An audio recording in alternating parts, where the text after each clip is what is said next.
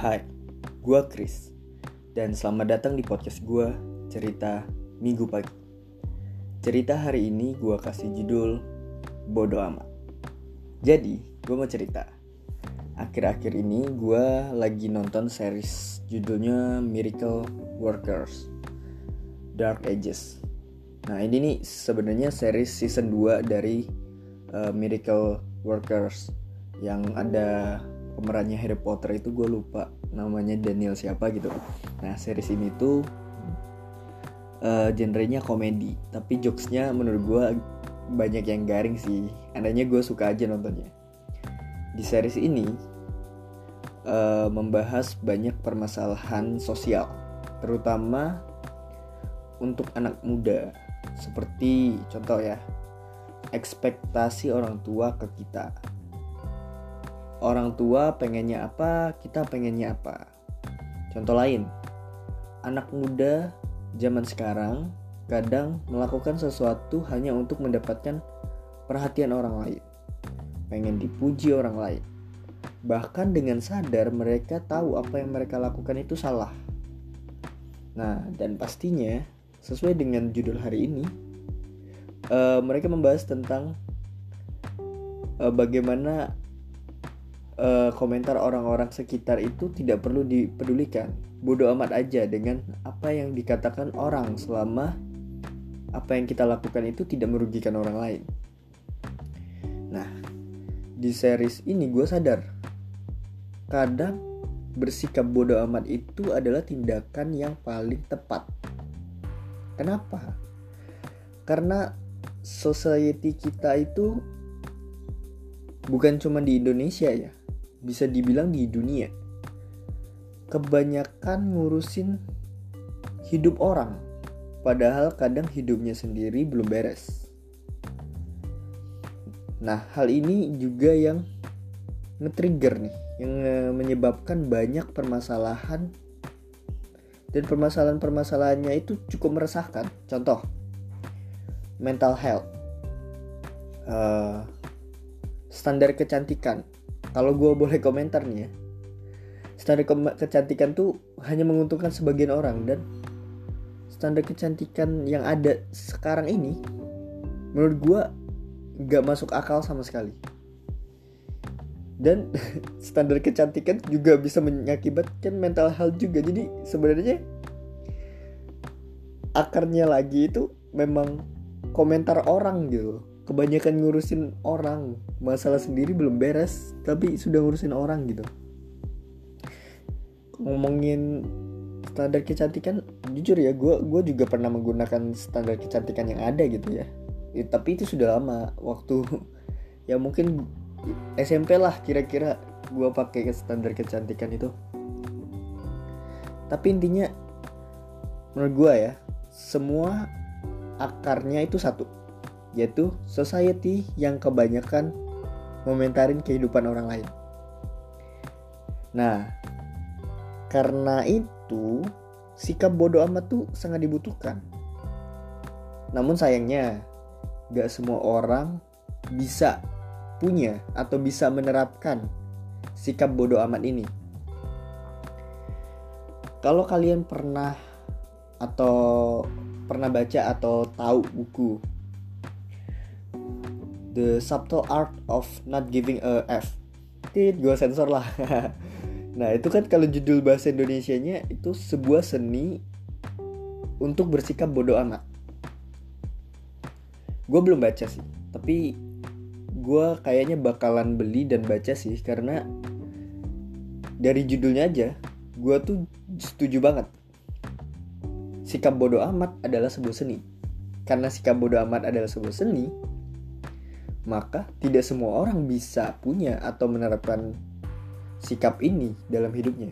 Tapi karena sikap bodoh amat ini juga seni, sikap bodoh amat bisa dipelajari dan dilatih. Gue nggak akan kasih tips caranya gimana, karena gue juga masih belajar. Uh, eh, gue cerita dikit dulu itu gue orangnya paling gak bisa dikritik. Kalau dikritik uh, dikritik tuh gimana ya? Kalau dikritik pasti ada dua kemungkinan yang bakal muncul.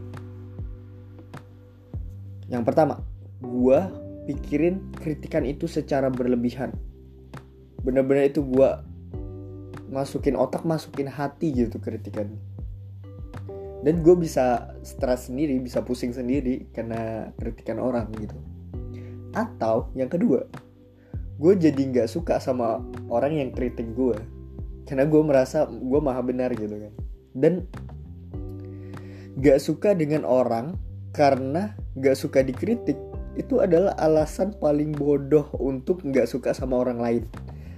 Dan lu bayangin gue pernah ada di titik di titik itu saking gue nggak bisa nerima kritik gitu. Kadang juga nggak nggak cuman kritikan. Pandangan orang lain ke gue juga sangat gue pertimbangkan. Tapi biasanya ini cuman pandangan orang-orang tertentu. Dan efeknya sama kayak dikritik gitu. Nah gue baru sadar kalau hal ini tuh nggak baik buat gue yes kritikan itu memang harus didengarkan diterima dicerna lalu kita memperbaiki diri. Yes tapi uh, cara gue merespon kritikan itu salah. Dan itu yang nggak baik buat gue dan harus gue ubah gitu. Gue ubah ini ketika gue masuk kuliah karena gue baru sadar dan sadar gue langsung coba ubah itu ketika gue masuk kuliah. Sekitar itu pun sekitar sudah di akhir semester 1 gue baru sadar dan gue berusaha untuk ubah. Nah untungnya sekarang gue sudah improve so much better dan gue sudah mulai bisa menerima kritikan dan mulai bisa dalam tanda kutip bodoh amat dengan orang yang gak suka dengan apa yang gue lakukan ya selama yang gue lakukan itu berguna buat gue dan gak merugikan orang lain ya gue bodoh amat aja gitu kan. Nah tapi ada juga orang yang gak bisa gitu. Gue adalah contoh yang bisa berhasil gitu. Bukan bisa ya berhasil belajar dan menerapkan seni bodoh amat. Dan sampai sekarang gue juga masih belajar tapi ada juga yang gak bisa contohnya temen gue gue punya temen yang gak bisa bersikap bodoh amat sampai sekarang. Padahal dia itu gue sudah sering banget kasih tahu bodoh amat aja gitu. Nggak salah. Nah dia tuh paling gak bisa uh, apa ya jadi dirinya sendiri. Kalau di depan orang lain. Walaupun padahal dia sebenarnya tuh merasa nggak nyaman dengan orang tersebut dengan keberadaan orang tersebut. Dia nggak nyaman. Uh, eh, gue pernah kasih tahu dia. Bukan cuman pernah gue sering kasih tahu dia buat bodo amat dengan orang lain. Gue bilang gini kalau lu emang nggak nyaman dengan orang itu ya udah tinggal bilang aja kalau lu nggak nggak nyaman atau lu tinggalin aja. Gak usah deket-deket sama dia gitu. Terus dia bilang gak bisa dan gue orangnya emang gini gitu. Dia bilang gitu. Tapi setelahnya dia curhat.